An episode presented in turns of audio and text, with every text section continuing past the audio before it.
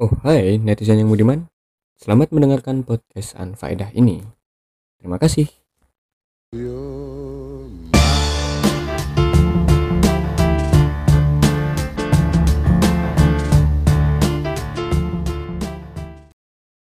Oke assalamualaikum warahmatullahi wabarakatuh. Jumpa lagi bersama saya Antek Kapitalis Di podcast Anfaedah ini Kembali lagi bersama saya di Audio Slave Kali ini saya kedatangan seorang tamu spesial Seorang wanita cantik, seorang pebisnis Seorang entrepreneur, bisa dikatakan seperti itu.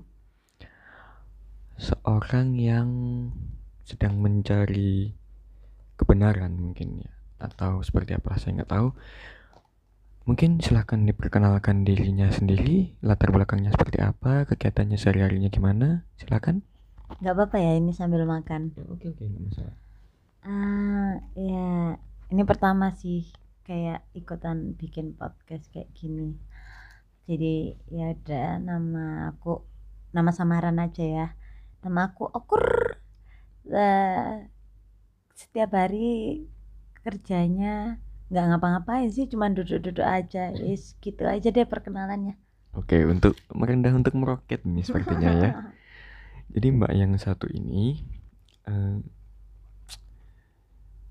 saya jelaskan sedikit ya latar belakangnya. Dia memang dia berprofesi sebagai legal konsultan sebenarnya di salah satu firma hukum. Ya orangnya memang suka merendah gitu sih. Jadi jadi ya memang ya mungkin di anu, nah kali ini di podcast kali ini saya nggak akan membicarakan tentang uh, latar belakang dia atau pekerjaannya dia lebih ke arah gini bagaimana perspektif seorang perempuan atau pebisnis Asik. atau seorang istilahnya profesional ya tentang jodoh kalau menurut Mbak Okur sendiri apa sih jodoh itu menurut Mbak? ini boleh nggak sih kalau ngomong sambil jawaan Oke, jadi buat teman-teman yang dengerin ini semua, uh, karena saya tinggalnya di Surabaya kebetulan, makanya nanti ke depan di podcast ini akan berbahasa Jawa dan Indonesia mungkin ya. iya, iya, Tapi ya mungkin mungkin mungkin akan lebih uh, lebih enak juga. Jadi biar teman-teman juga tahu bahasa daerah juga sih sebenarnya. gitu ya. Jadi ya mungkin itu sih sebenarnya perkenalan singkat dan yang mau kita omongkan. Kurang lebih kita akan membahas masalah jodoh, masalah percintaan dan segala macamnya. Jadi kita kembali lagi ke topik utama. Apa sih Mbak yang pandangan Mbak tentang jodoh itu gimana? kalau dibilang tanya tentang jodoh aku juga kayak nggak ngerti gitu ya arti jodoh sebenarnya karena emang masih mencari kayak jodoh itu sebenarnya apa sih karena menurutku kan jodoh itu udah omongannya tentang ya kayak ikatan tentang per, kayak perjanjian gitu antara satu orang dengan orang lainnya. Tapi beratasnamakan Tuhan. Jadi aku rada bingung kalau menjelaskan jodoh itu kayak gimana. Karena aku orangnya rada dibilang serius dalam percintaan juga iya tapi nggak paham sebenarnya untuk konteks percintaan yang kayak gitu-gituan Oke, mungkin mungkin ini bahkan lebih in depth lagi ya buat teman-teman yang bakal dengerin. Kita akan sedikit mengulik nih tentang tentang kok Mbak ini. dia cok Eh, jadi karena memang perspektif orang Surabaya memang caco-caco ya. Untuk teman-teman yang mendengarkan, entah di mana pun, mungkin apa yang akan kita omongkan ini bakal jadi sesuatu yang benar-benar mungkin bisa jadi pelajaran atau gimana mungkin, tapi tergantung perspektif. Perspektif bagaimana kita ngelihat aja sih sebenarnya gitu. Nah kita kembali lagi ke Mbak Okur nih. Eh, tadi Mbak Okur sempat ngomong kalau jodoh itu ikatan atau Tuhan ikatan yang benar-benar sakral sebenarnya apakah jodoh itu cuman sebatas ikatan itu aja atau gimana sih? nah itu cu aku juga bingung cu Mm. jadi menurutku jodoh itu ya kita nggak akan pernah tahu sih sebenarnya kita berjodoh sama siapa ataupun kita berhubungan sama orang itu belum tentu juga jodoh kan? Jadi ya kalau ditanya definisi jodoh itu apa kita nggak akan pernah tahu sebelum ya kalau kita mate nah Oh, jadi maksudnya Mbak ini akhirat. maksudnya Mbak kita nggak bakal tahu jodoh kita sampai iya kita di sampai akhirat gitu. sampai kapan pun karena sebenarnya Maksudnya sampai afterlife gitu ya. iya. karena kalau kamu bilang pacarku tuh jodohku loh jancuk itu cuman bullshit cuk kamu pun nikah bisa aja kamu cerai terus ternyata sama orang lain ataupun ternyata sebenarnya dia bukan jodohmu kita nggak akan pernah tahu karena yang tahu kan cuman yang punya kehidupan Oke, eh, mungkin daripada eh, sebelum kita lebih in depth lagi atau lebih dalam lagi tentang tentang jodoh, mungkin agak sedikit tanya nih ke Mbak Okur ya. Mm. Kalau Mbak Okur sendiri cari cowok yang gimana sih Mbak? Sebenarnya. cari cowok. Nah aku tuh nggak tahu cari cowok kayak gimana karena ya tiap cewek pasti punya kriteria. Cuman kan pasti nggak sesuai gitu lah sama kriteria. Dapatnya ya sing adoh ngono dari kriteria. Jadi ya wis ngono nggak pernah nyari atau gimana. Aku sih yang dicari. Oke, iya mungkin mungkin mungkin buat teman-teman di sini apalagi Mbak Mbak Okur ini kan juga ada usaha sendiri itu. Eh, akhirnya apakah dengan kemampuan finansial yang seperti itu gitu akhirnya eh, Mbak Okur berpikir bahwa oh aku harus cari harus cari cowok yang benar-benar kaya nih yang maksudnya seenggaknya dia pendapatannya lebih dari aku nih gini dan segala macamnya. Apa apa sempat terlintas pikiran kayak gitu atau seperti apa? terkadang kalau cewek pastilah mikir kayak gitu. Cewek siapa sih yang nggak matre semua cewek itu suka uang cuman kalau dibilang dalam berhubungan bukan itu sih tujuan utama kayak harus cari yang kaya karena yang kaya sangat-sangat dewasa sekali Anda ya. jancuk enggak cuy Hmm. cuman kan kayak gini kalau misalnya terkadang cewek itu kan mikir kita harus cari yang kaya gini tapi kita harus ingat cowok yang kaya pun mereka punya standar yang tinggi ketika kau minta cowok yang standar tinggi otomatis kon kudu tinggi sisan jadi kalau dibilang cari cowok yang kaya enggak sih lebih ke bertanggung jawab bekerja keras. Itu aja sifat yang penting. Percuma kalau kita punya cowok kaya tapi gepuan tak dia suka ngekang atau dia nggak ngerti atau dia nggak sa bahkan sampai nggak sayang sama keluarga kita. Jadi menurutku bukan itu tujuan utama buat cari cowok. Yang penting karakternya itu sih. Karakter yang dimaksud di sini gimana sih? Karena gini, eh mungkin saya ini kan pengangguran nih, saya kan budak-budak korporat nih. ah iso Eh, aja eh, bujuk jadi jadi ya bukan ya bukan berbohong sih, tapi maksudnya ya karena saya budak korporat. Akhirnya padahal gini, di perspektif Mbak nih yang di usia hampir 25 ya, kepala dua lah, di Iya. kepala dua gini, apalagi dengan keadaan finansial yang kayak gini gitu di umur yang segini sebenarnya seberapa penting sih seorang perempuan itu melihat seorang laki-laki dari segi materi atau seberapa penting sih sebenarnya? Kenapa? Dan kenapa? Toh sekarang eh, kalau misalkan kita ngomong untuk katakan kita berbicara menjadi lelaki yang paripurna atau mencari cowok yang benar-benar cowok sejati toh banyak sekarang beredar di luar sana bahwa oh perspektif di Indonesia nih khususnya. Ini di Indonesia ya bukan di barat. Kalau di dunia barat ya udah asal sama suka sama suka udah selesai. Tapi kalau di Hmm. Indonesia eh, perspektif yang diterima oleh si cowok itu kadang gini seperti ini mbak. Eh, ketika si cowok oh aku nanti cari harus cari harus cari cewek yang bisa masak yang bisa ngurus rumah dan segala macamnya. Padahal tuh padahal nih ya kadang si cowok menuntut seperti itu dia sendiri belum tentu bisa benerin talang. Belum tentu bisa iya kan? Belum tentu bisa benerin belum tentu bisa benerin ini an- ini itu ini itu. Atau dia bisa multitasking bisa jualan Oh. ini jualan itu kan belum tentu seperti itu. Tapi kenapa kok bisa ada pikiran seperti itu? Nah sekarang coba saya balikkan ke mbaknya. Sebenarnya ketika ada tuntutan seperti itu apakah dari perspektif mbak sendiri? Apalagi mbak dari seorang profesional ya tenaga profesional bisa dikatakan Hmm. seperti itu. Apakah hal seperti itu harus gitu? Sebenarnya itu bukan. kalau misalkan dihubung mohon maaf saya potong. Mm-mm. misalkan itu digabungkan dengan hubungan finansial apakah masih bisa? Gimana ya kalau dibilang keharusan itu sebenarnya enggak. Kan namanya kalau kita sayang sama orang atau kita istilahnya kita sayang lah sama orang. Bukan keharusan tapi harusnya memang kita berusaha untuk jadi yang terbaik tapi nggak boleh ada keharusan atau memaksa karena emang kalau sayang sama orang cinta sama orang bukan intinya memaksa ya kita terima. Tapi terima apa adanya pun nggak boleh. Misalnya pasangan kayak aku terima kamu nggak bisa masak. Ya harusnya kita jangan nggak bisa masak. Kita berusaha untuk jadi yang terbaik. Oh iya ya karena aku gini aku harus berusaha jauh lebih baik daripada dia. Tapi kalau masalah finansial itu sebenarnya balik sih mas.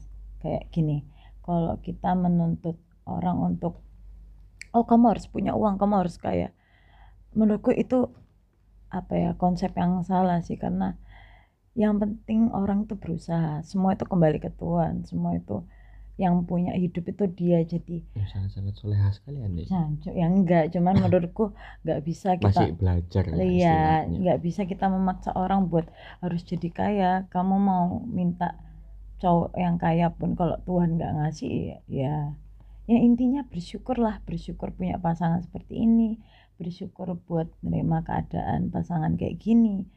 Toh ya apa sih yang kita cari di hidup ini kalau kita menstandarkan sesuatu sesuatu kebahagiaan atau keinginan kita itu kita standarkan?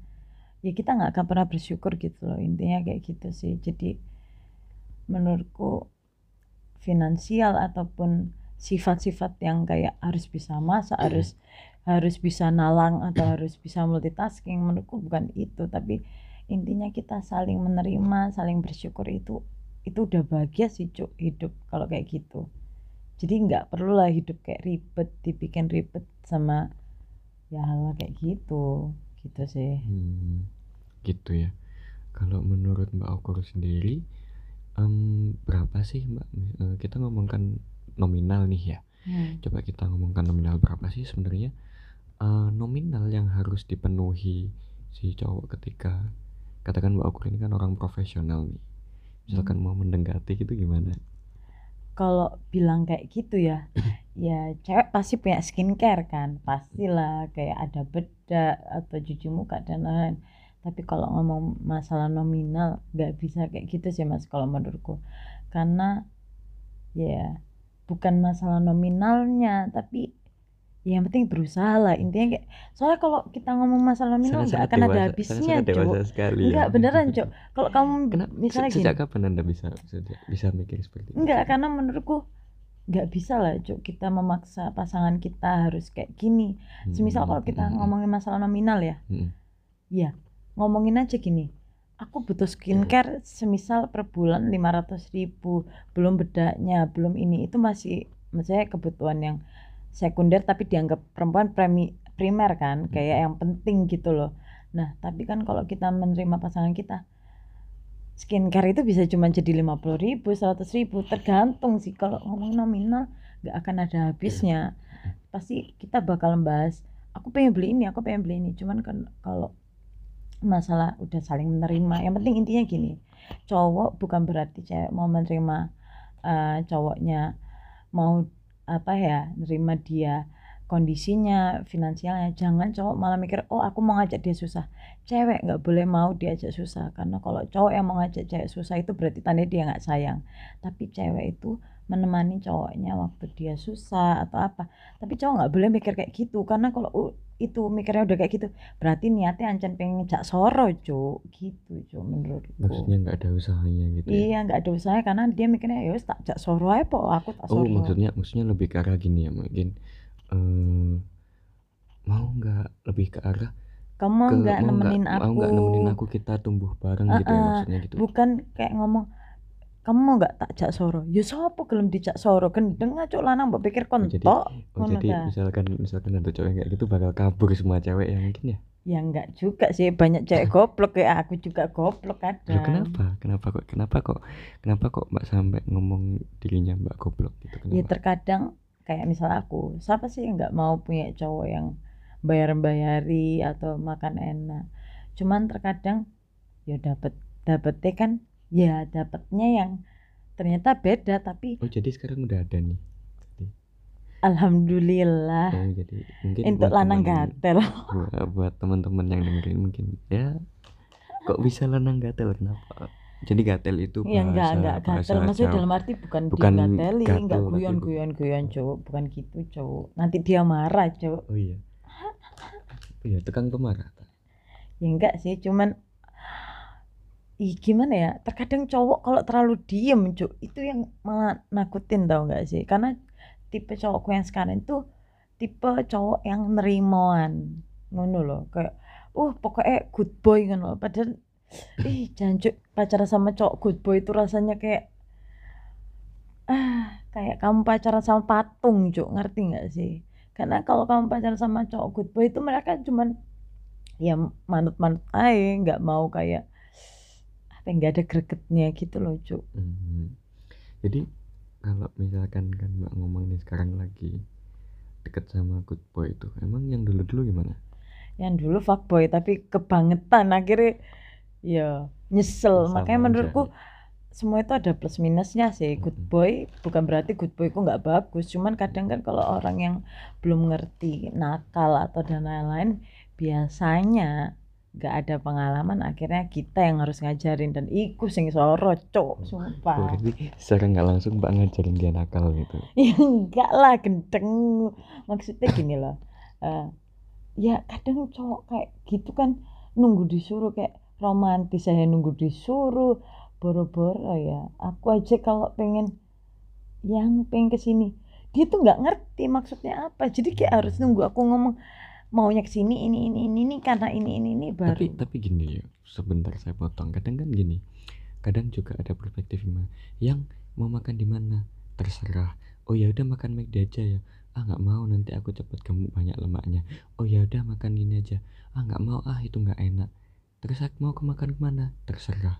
Nah kan bingung gitu. Berarti siapa? Loh, berarti cowok harus berusaha dong berusaha mikir ya Iya. ya nggak tahu loh mungkin dia ngasih tauin ya udah makan gado-gado aja atau makan apa atau terkadang gini loh cewek itu butuh perhatian lebih kadang tuh ngerti nggak sih kadang cowok itu juga nggak paham maksudnya terserah itu takutnya dia milih di sini cowoknya nggak suka cowoknya gini kan makanya dia kayak gitu Hmm, ya terus? gitu ya wis gitu mas sulit jelasinnya Oke.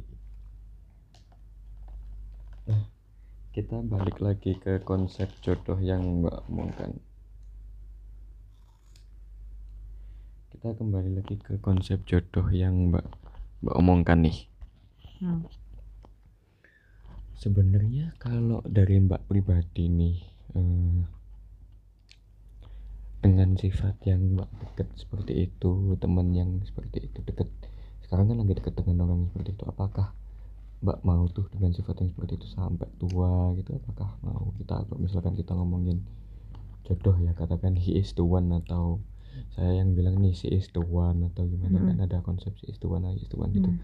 apakah dengan udah tahu nih sifatnya seperti itu kalau mak- makanya kan gini kalau di barat ya kan di Eropa di Amerika itu kan sebelum mereka menikah mereka memutuskan untuk live in tuh hidup bareng tinggal bareng kan.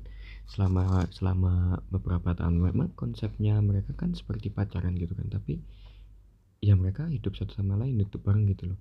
Akhirnya sebelum benar-benar memutuskan untuk menikah akhirnya mereka tahu tuh sifatnya pasangan oh sifat pasanganku seperti ini. Sedangkan di Indonesia kan nggak kayak gitu. Heeh. gimana itu emang dan sedangkan ketika mbak pacaran kan nggak ikut dia 24 jam Mm-mm. dan segala macamnya gitu gimana eh, bisa menilai terus gimana ya itulah orang Indonesia Apakah- akhirnya enggak, enggak, apakah dengan kan ada perbedaan budaya tuh Mm-mm. ada perbedaan budaya hingga sekarang kita sampai di titik di mana eh, di Indonesia kan tidak seperti itu Mm. nah tapi cuman sebatas pacaran aja kan kebanyakan kan Mm-mm. kalau di kalau perspektifnya mbak sendiri tuh melihat kayak gitu tuh gimana apakah ya udah nanti aku nikah bagaimanapun sifatnya dia ya udah ambil contoh se- seperti mbak sekarang nih udah deket sama siapa gitu kan Mm. ya apakah mbak udah siap aja untuk menikah dengan si dia dengan sifatnya yang seperti itu yang mbak sebutkan tadi Mm. ya karena tinggal di Indonesia ya otomatis kan ada norma dan lain-lain kan. Jadi ya cuman berharap sama feeling sih sebenarnya. Dan kalau misalnya masalah memang hidup di Mau- Indonesia itu berat ya? Ya enggak sih cuk biasa aja cuk cuman diberat-beratin enggak tapi intinya tuh gini sih. Kalau misalnya kan karena main feeling nih Mm-mm. kan kadang feeling manusia ya nggak tepat juga kan. Jadi ya gimana ya kalau mau aku udah dilali mas gara-gara mas iki bingung jadi aku lali Cek. Mm-mm. jadi gini kan kita kan cuma bisa main feeling nih Mm-mm. nah makanya menurutku emang nggak kayak di luar kan di luar kan benar-benar open minded kayak mereka itu emang benar-benar mulai hidup bareng supaya tahu dan mereka nggak langsung nikah karena menurut mereka ketika nikah nanti kalau mau cerai pun sulit gitu loh semua serba sulit nah kalau di Indonesia kan lebih ke arah kita pacaran terus baru nikah nanti kalau nyesel ya waktu nikah Mm-mm. tapi aku nggak mau kayak gitu dengan cara aku kan udah main feeling nih nah aku ngeyakinin buat dia itu benar-benar satu-satunya atau orang yang tepat He buat ya. ah, itu dengan cara terbuka ke eh, waktu pacaran jadi waktu kenalan tuh aku ngomong nih semua sifatku walaupun memang nggak semuanya dia tahu tapi dengan keterbukaan dalam berhubungan itu menurutku hal yang paling penting. Ketika aku nggak suka sesuatu kadang cewek gini kadang cewek itu salah eh, kadang itu cewek salah. Kalau misalnya mereka nggak suka sesuatu mereka memilih untuk diam mereka memilih untuk nggak ngomong atau langsung ambil tindakan gimana. Aku tuh selalu kalau nggak suka sesuatu aku aku sebelum eh, hal jelek kejadian aku tuh ngomong dulu aku nggak suka ini loh aku nggak suka ini nggak suka ini. Dan ketika dia mengiyakan oh iya aku bisa terima kamu. Menurutku cowok itu yang di- bisa dipegang omongannya jadi Emang Kan- bisa mbak megang omongan Iya nggak bisa. Kadang arek lanang blesat cu- cuman ya gimana ya mas ya? Semua orang ada kelemahan ada Mm-mm. Kekurangan ada kelebihan. Mm-mm. ya kita cuma Mm-mm. bisa ngasih kesempatan. Kalau emang dia nggak baik ya udah tinggalin. Cuman kadang kan wedok kan goblok gelem digoblok gobloki terus jadi ya. Oh, jadi sekarang mbak dikeblok-keblokin ya sedang enggak sih. cuman kadang dia punya salah dan ya karena aku ngerasa dia satu-satunya. Karena dia aku ngerasa dia temanku dia juga keluargaku dia orang yang sangat asik dia pinter. Menurutku hal-hal kayak gitu bisalah diselesaikan. Yang penting ketika nikah emang udah harus punya komitmen. Ketika mau nikah harus satu frame harus emang benar-benar nyambung. Jadi hal-hal kayak gitu sih yang harus diperhatiin. apakah dia apakah gini tadi ada sedikit kata-kata yang menarik nih. Dia pinter terus berkomitmen gitu ya. Mm-mm. sebenarnya sepenting sepenting apa sih pinter dan komitmen dalam seorang pria gitu sepenting sepenting apa sih maksudnya gini Oh. nggak cuman dari seorang pria akhirnya perspektif karena Oh. karena menurut saya pribadi pinter dan berkomitmen itu harusnya dua belah pihak gitu loh. Nah, kalau dari perspektif mbak sendiri gitu pinter sama kalau kalau menurut saya pribadi sih gini nggak nggak perlu sih nggak perlu cewek pinter Hmm. atau ya asal Mm-mm. mau belajar gitu Mm-mm. kalau dari perspektif mbak pribadi Nah. emang penting itu pinter dan berkomitmen itu. Tiap orang kan beda-beda ya. Mm-mm. cuman menurutku pinter itu bukan pinter pelajar maksudnya harus pinter yang ahli apa gitu enggak. Tapi orang yang punya wawasan luas karena menurutku ketika kita punya pasangan apalagi pemikiranku aku cari pasangan buat nikah dan sampai tua ya aku cari pasangan yang pinter dan dia asik buat diajak ngobrol. Ketika aku tanya apa aja dia bisa jawab karena Mm-mm. nanti kalau aku tua aku cuma bisa ngobrol sama dia. Jadi menurutku hal kayak gitu hal yang sangat penting. Maksudnya fundamental gitu. Oh iya iya. Hihi enggak. Tapi beneran itu kalau tiap orang-orang kan pakai tipe sendiri-sendiri. Ada yang pengen punya cowok kaya supaya hidupnya enak ada yang gitu. Tapi kalau aku lebih ke arah tanggung jawab terus sayang Tuhan dan yang sayang aku terus dia berwawasan luas. Jadi supaya nanti aku mau tanya apa aja dia bisa jawab. Aku nggak suka kalau cowok yang kayak ah yes kayak gitu. Cuman main-main sosmed terus kayak ah, kurang membaca kayak malas baca. Karena aku tuh tipe orang yang malas baca dan aku orang yang suka mendengarkan. Jadi ketika aku punya cowok pinter cowok yang wawasannya luas dan suka baca dia bakalan eh, ngobrol sama aku dan aku ya mendengarkan dia kayak gitu kalau disuruh milih ada dua pilihan nih. Hmm. Cowok yang pinter suka baca tapi nggak punya uang atau yang biasa aja tapi punya uang? Ya mendingan pertama lah. Karena uang bisa Kenapa? dicari. Uang bisa dicari dan kalau dia pintar dia apa rajin membaca berarti dia nggak males. Berarti orangnya dia pekerja keras semua tinggal kembali ke nasibnya itu. Kalau emang nasibnya dapet yang jelek ya udah bersyukur kan ya ya udah kita manusia cuma bisa berusaha berusaha terus. Nggak Hmm. bisa kita kayak mau wah aku pengen sugih tapi males ya. Ya kak iso cuk. Tapi kan kalau pintar pun kalau misalnya dia nasibnya belum bagus berarti Tuhan punya rencana lain entah itu apa ya. Ya cuma bisa bersyukur sih menurutku kayak gitu. Hmm, hmm. Nah, kalau menurut Mbak pribadi nih,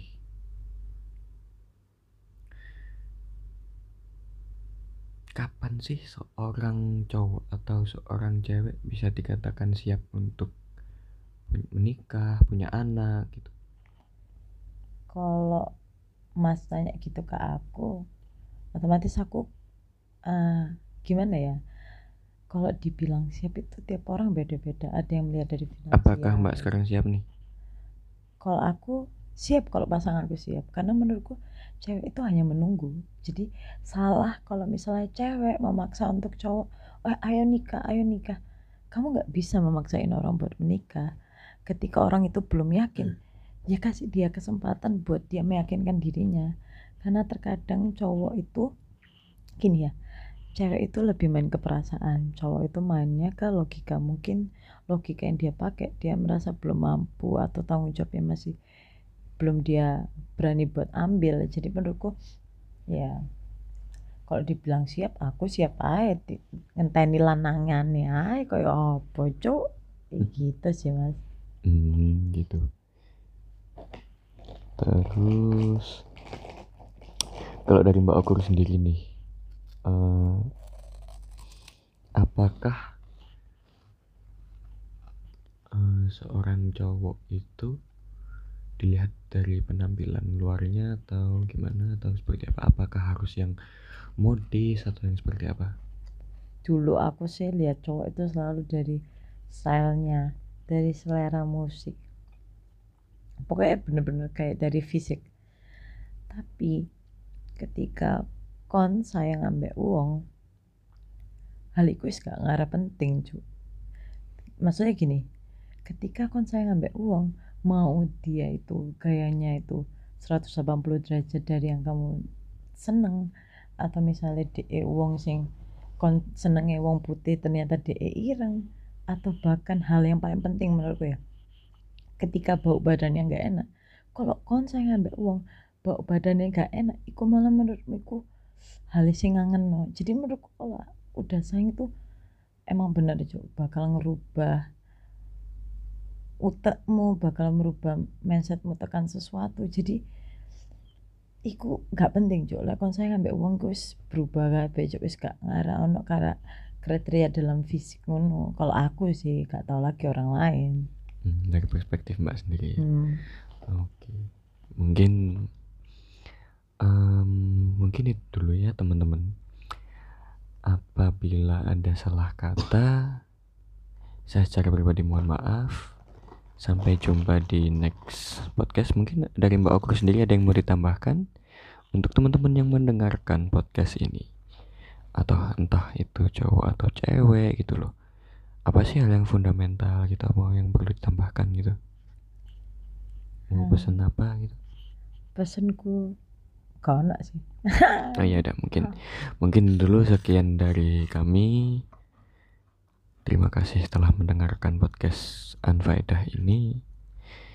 Ya mungkin itu sharing dan sekedar pengalaman dari sekedar pengalaman dari kita. dari perempuan paripurna Oh, se-Indonesia Oke siap. Oke oke siap. Makasih. Sekian. Assalamualaikum warahmatullahi wabarakatuh. Selamat istirahat. Dan sampai jumpa di episode selanjutnya. Terima kasih.